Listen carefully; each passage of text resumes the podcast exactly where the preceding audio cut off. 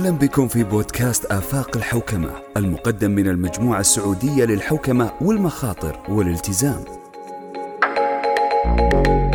آفاق الحوكمة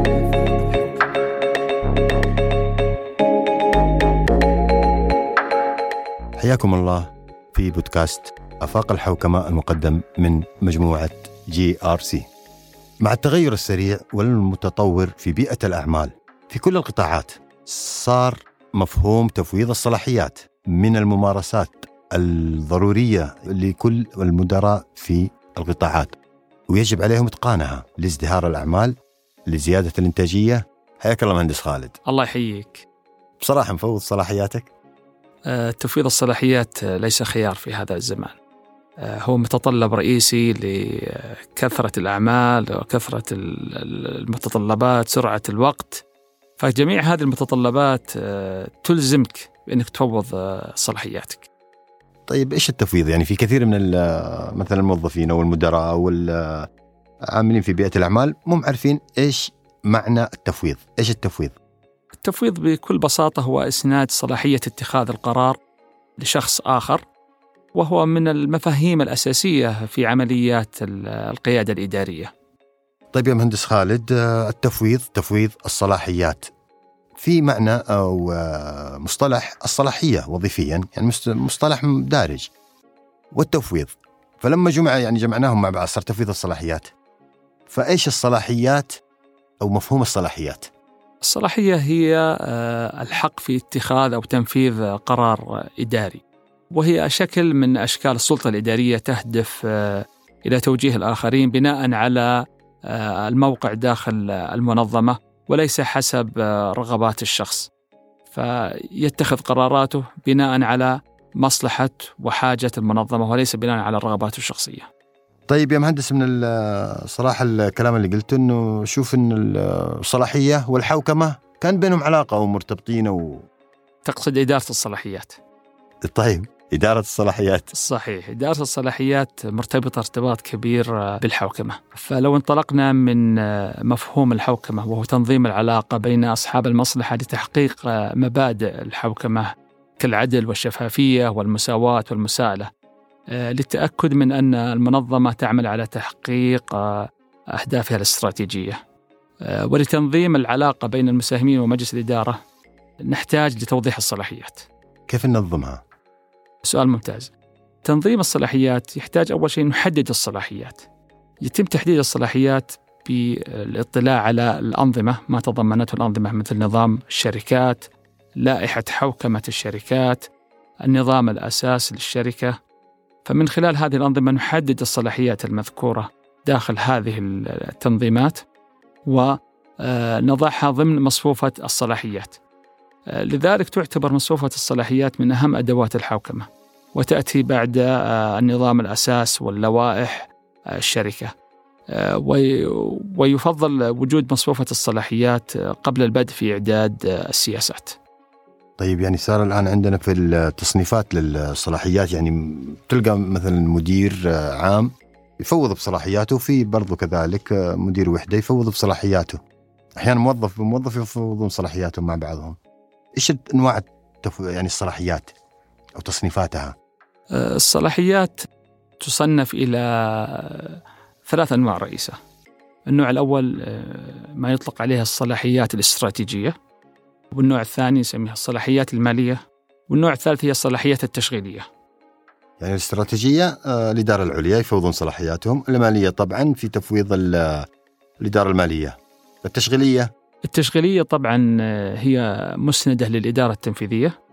هي مسؤولة عن إدارة هذه الصلاحيات وتفويضها للموظفين.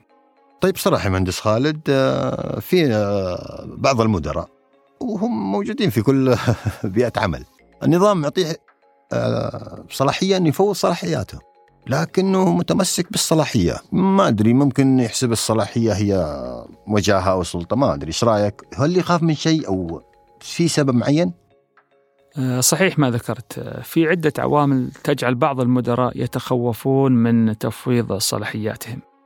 أول هذه ال- العوامل هو ما يتعلق من خوفهم من فشل المهمة. ففشل المهمة ينعكس عليهم. فإخفاق الشخص في أداء العمل يحسب على المدير. لذلك هو يتردد كثيرا أنه يفوض الشخص. السبب الثاني خوفه من أن الشخص نجاح الشخص في تنفيذ المهمة قد يجعل له ميزة أفضل على المدير. السبب الثالث تردد بعض المدراء أو عدم معرفتهم في اختيار الشخص المناسب لتفويض المهمة إليه. ويتردد بعض الموظفين في توجيه في في تفويض الصلاحيات آه، لوجود مهام إضافية لازم يعمل عليها أثناء التفويض مثل توجيه الموظفين. فهو يتردد لأنه ما عنده استعداد أنه يقعد أنه يوجه موظفينه. ما عنده استعداد يستمر في آه، آه، مراقبة أداء الموظف. فبدلا من ذلك يحتفظ بالصلاحية له ويقوم بتنفيذ الأعمال بنفسه. ما ما أقنعني الجواب. ما أحس أنه المبرر الفعلي اللي يخليه آه، يتمسك بالصلاحيات مع أن النظام معطيه الحرية كاملة. يعني كل المبررات اللي قلتها يا مهندس خالد ممكن تكون هي أسباب فعلية. لكن لو تجي تفكر فيها ما أحس أنها هي السبب الأصلي أو السبب الحقيقي أنه ما يفوز صلاحياته فإيش رأيك؟ يعني نحس فيه كأنه يبغى الصلاحية في يده. صحيح ما ذكرت إنه بعض الشخصيات تكون شخصية مركزية. صح. طبيعتها مركزية ويرغب إنه يكون عنده سيطرة كاملة على جميع الأعمال داخل المنظمة.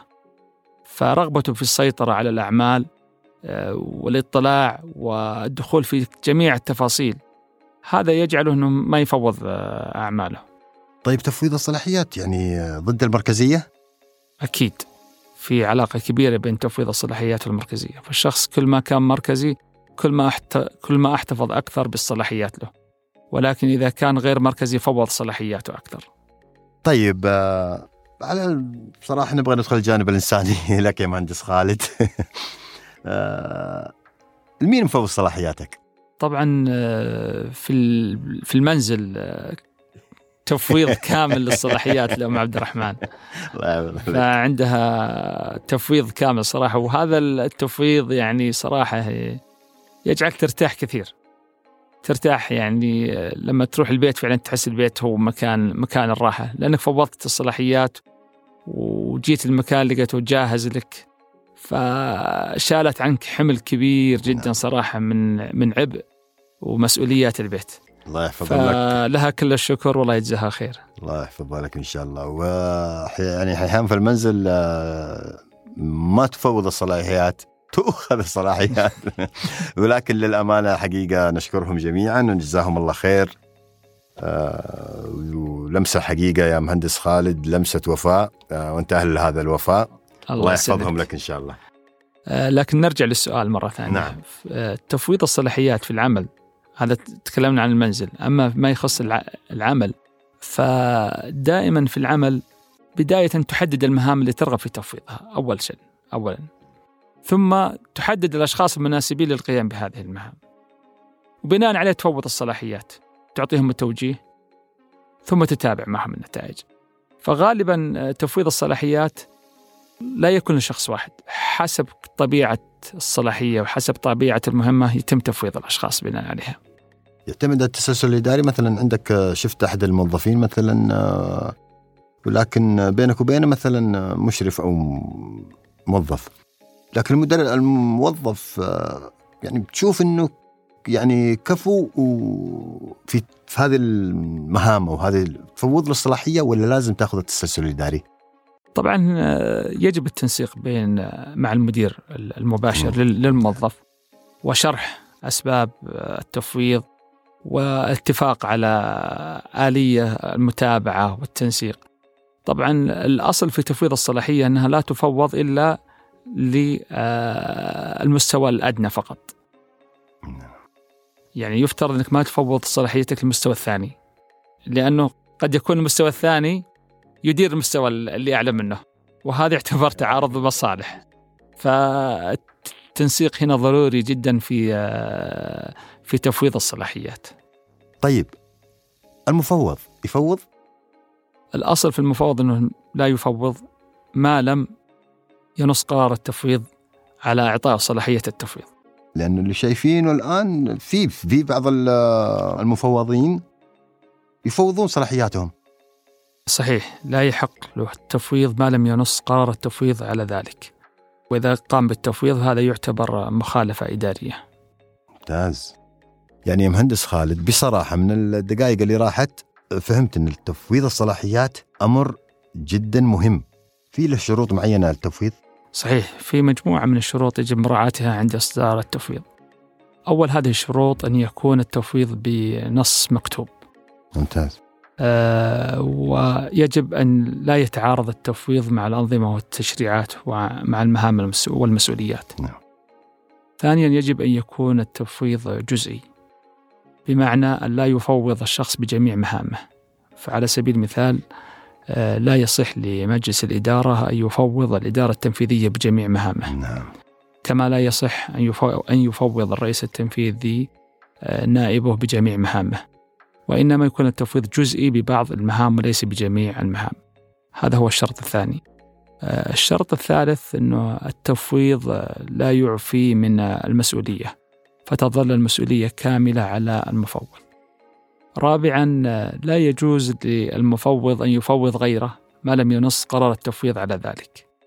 وخامسا آه، التفويض مؤقت وقابل للرجوع فيه. فهذه مجموعة من الشروط تنظم آلية التفويض فيجب أن يكون التفويض مرتبط بهذه الشروط الخمسة. طيب آه، قلت في أنه ما يفوض بشكل كامل صلاحياته. طب آه، تعرف يعني أغلب أو سافر أخذ إجازة شهر نفرض أخذ إجازة شهر الرئيس التنفيذي يوزع المهام يفوض المهام للاداره التنفيذية؟ طبعا عند خروج الرئيس التنفيذي في إجازة فالأصل قبل خروجه أن يكلف شخص يقوم بمهامه. التكليف يتضمن تحديد المهام التي يكلها للمفوض.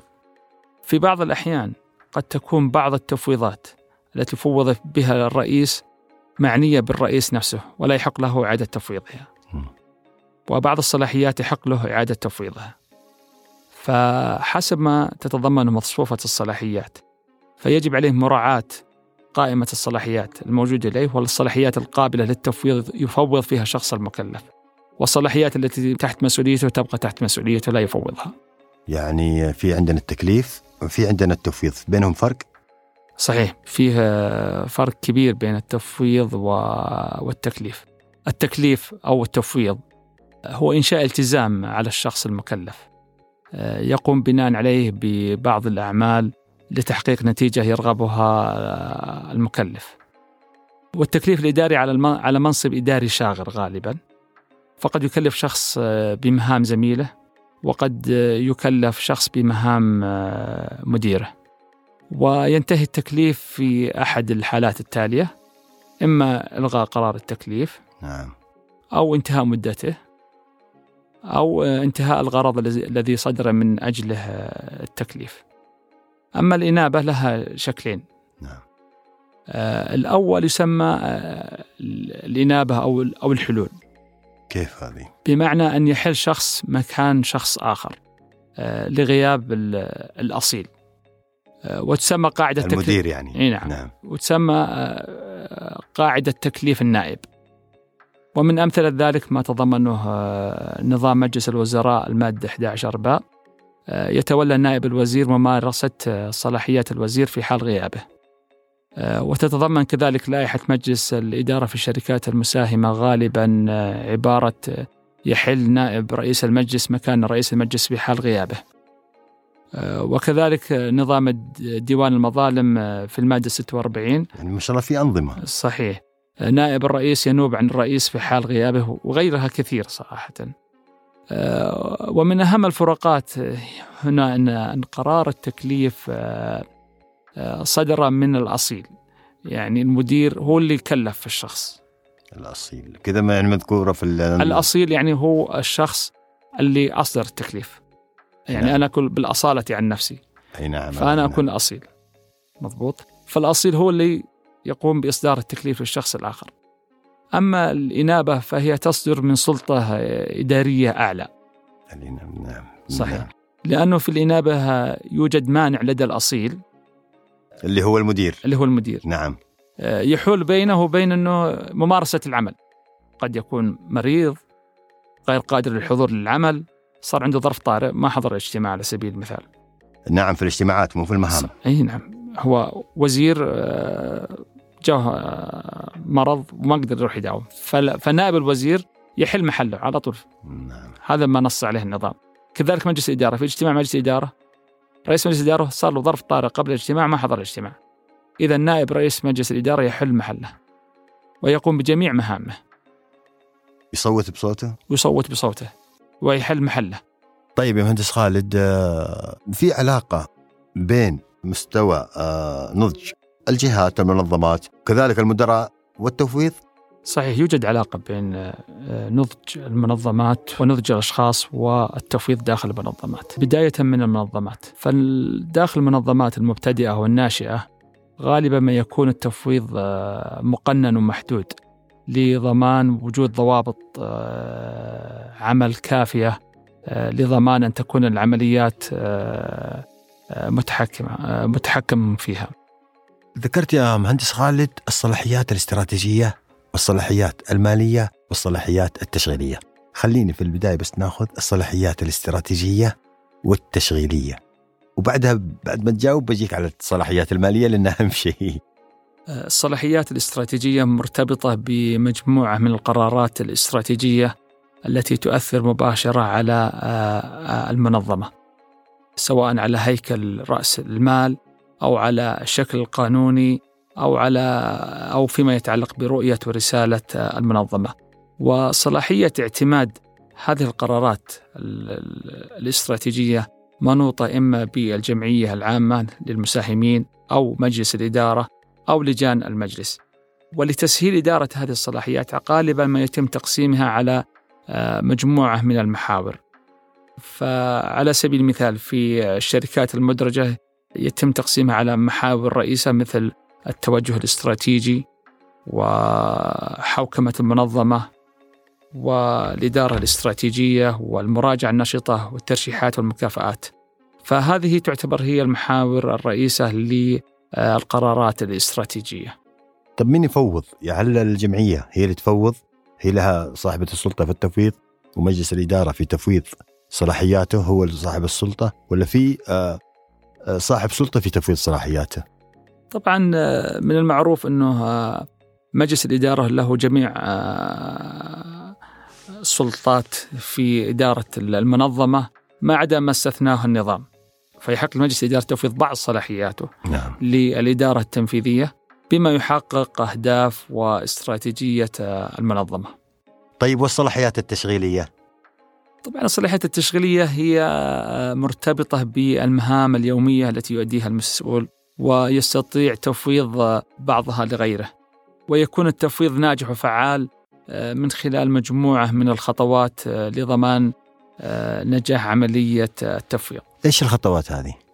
طبعا هناك عدة خطوات تساعد على على نجاح عملية التفويض. بداية لابد أن المفوض يشرح أسباب تفويضه للمهام. آه، ثانيا اختيار الموظف المناسب للمهمة. آه، مثلا هل لديه الإمكانات اللازمة لإنجاز المهمة؟ آه، هل لديه رغبة في التعلم في تعلم مهارات جديدة؟ ثالثا توفر الموارد والسلطة اللازمة لإنجاز المهمة.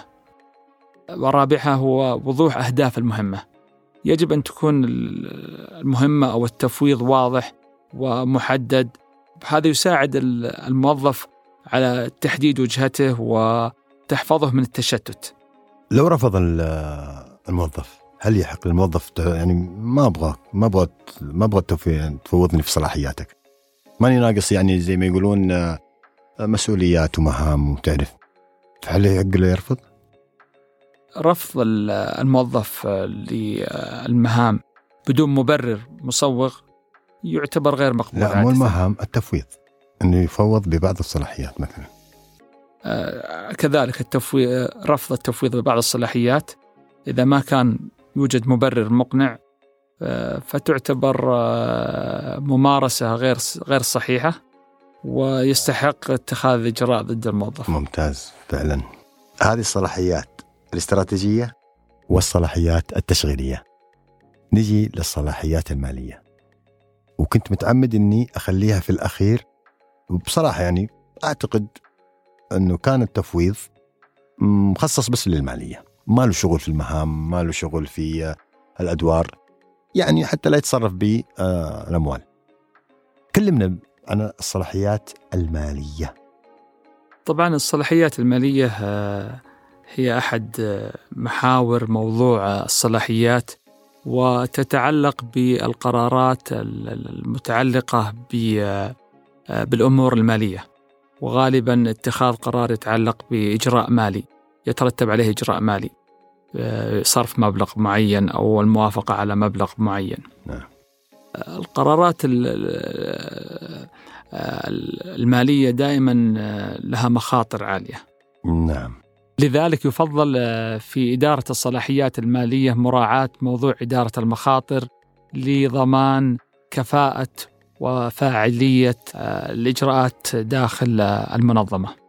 يعني في علاقة بين الصلاحيات المالية وإدارة المخاطر؟ أكيد في علاقة كبيرة جدا فعلى سبيل المثال لو قسمنا المخاطر إلى ثلاث مستويات مخاطر منخفضة ومخاطر متوسطة ومرتفعة. وكذلك لو قسمنا على سبيل المثال الأثر المالي للقرارات فيكون أثر على سبيل المثال منخفض ومتوسط ومرتفع. آه، فكلما قلت آه، المخاطر يفترض أن يكون آه، الحدود المالية مرتفعة. فعلى سبيل المثال يعني دفع الرسوم الحكومية ضمن الشركات. نعم. حتى لو كانت مبالغ مرتفعة جدا فهي قليلة المخاطر. عشان الإجراءات تحكمها. صحيح. نعم. لأن هي متطلب منك تدفع بعض الرسوم الحكومية. نعم. قد تكون مبالغ كبيرة. فالمخاطر المرتبطة بهذه القرارات قليلة جدا. فالأولى تفويض آه، صلاحية اتخاذ هذه القرارات لمستويات أقل لتسريع العملية. أو مكاتب يعني زي اللي نشوفهم آه، مكاتب الخدمات الحكومية ممكن تعاقد مع الشركات صحيح. وعلى سبيل المثال مثلا دفع فواتير خدمات المرافق مثل دفع فاتورة الكهرباء بعض المنظمات تكون فاتورة الكهرباء مبلغ مرتفع مثلا 40 مليون 50 مليون. آه، المخاطر المرتبطة بهذا القرار منخفضة جدا. فالأولى تفويض الصلاحية على الرغم من المبلغ مرتفع جدا ولكن القرار مخاطره قليلة جدا. وبذلك أنهينا المخاطر المنخفضة. لو أخذنا مثلا المخاطر المتوسطة ومنها مثلا بعض القرارات المتعلقة باستبعاد الأصول أوه نعم. القرارات المتعلقة باستبعاد المخزون على سبيل المثال هذه القرارات آه، متوسطة المخاطر لذلك تكون الصلاحيات المالية فيها متوسطة. نعم. يعني لا تكون الحدود المالية مرتفعة ولا تكون منخفضة فتكون متوسطة. هنا في سؤال بعد إذنك وأنا أعتذر من المقاطعة. تفويض الصلاحيات دائما له حد مالي؟ طبعا حدود آه، تفويض الصلاحيات مرتبطة بالحدود المالية. غالبا تفويض الصلاحيات كلها حدود مالية لضمان إدارتها والتأكد على سبيل المثال أنه كل ما قلت المبالغ أو الحدود المالية صار التفويض أكثر لمستويات الدنيا وكل ما ارتفعت نعم. الحدود المالية صارت الصلاحية للمستويات العليا. باقي لنا المخاطر المرتفعة. ما يتعلق بالقرارات المالية عالية المخاطر فهي مجو... آه، ممكن تصنيف مجموعة من القرارات التي تقع ضمن هذا النطاق. آه، مثل آه، إطفاء الديون مثل قرارات بيع الأصول مثل قرارات الاندماج والاستحواذ. فجميع هذه القرارات قرارات عالية المخاطر لذلك يكون تفويض الحدود المالية منخفض لهذه القرارات لضمان السيطرة على القرارات والتأكد من نزاهة العمليات وضمان توافق القرارات مع استراتيجيات وأهداف المنظمة. يعطيك العافية مهندس خالد حلقة مثرية، حلقة مهنية فيها إثراء معرفي. حقيقة يعني استفدت كثير وفي بعض المعلومات كثير قلتها كانت غايبة بخصوص التفويض بخصوص الصلاحيات. آه، نشكر لك وجودك معنا في بودكاست أفاق الحوكمة. تمنياتي لك بالتوفيق. آه، شكرا لكم وسعيد جدا بهذه الاستضافة اللي شاركنا خلالها بعض المعلومات ونتمنى نكون إن شاء الله تعالى أثرينا المستمعين بهذه المعلومات. أشكرك شخصيا وأشكر جميع القائمين على هذا العمل. الله يعطيكم العافية وبإذن الله تعالى نستمع لكم في حلقات أخرى ونستفيد من هذا البرنامج. آه، ولكم كل الشكر والتقدير. شكرا لك. وفي الختام نتوجه بالشكر لضيفنا العزيز والسادة المستمعين في بودكاست آفاق الحوكمة. والسلام عليكم ورحمة الله وبركاته.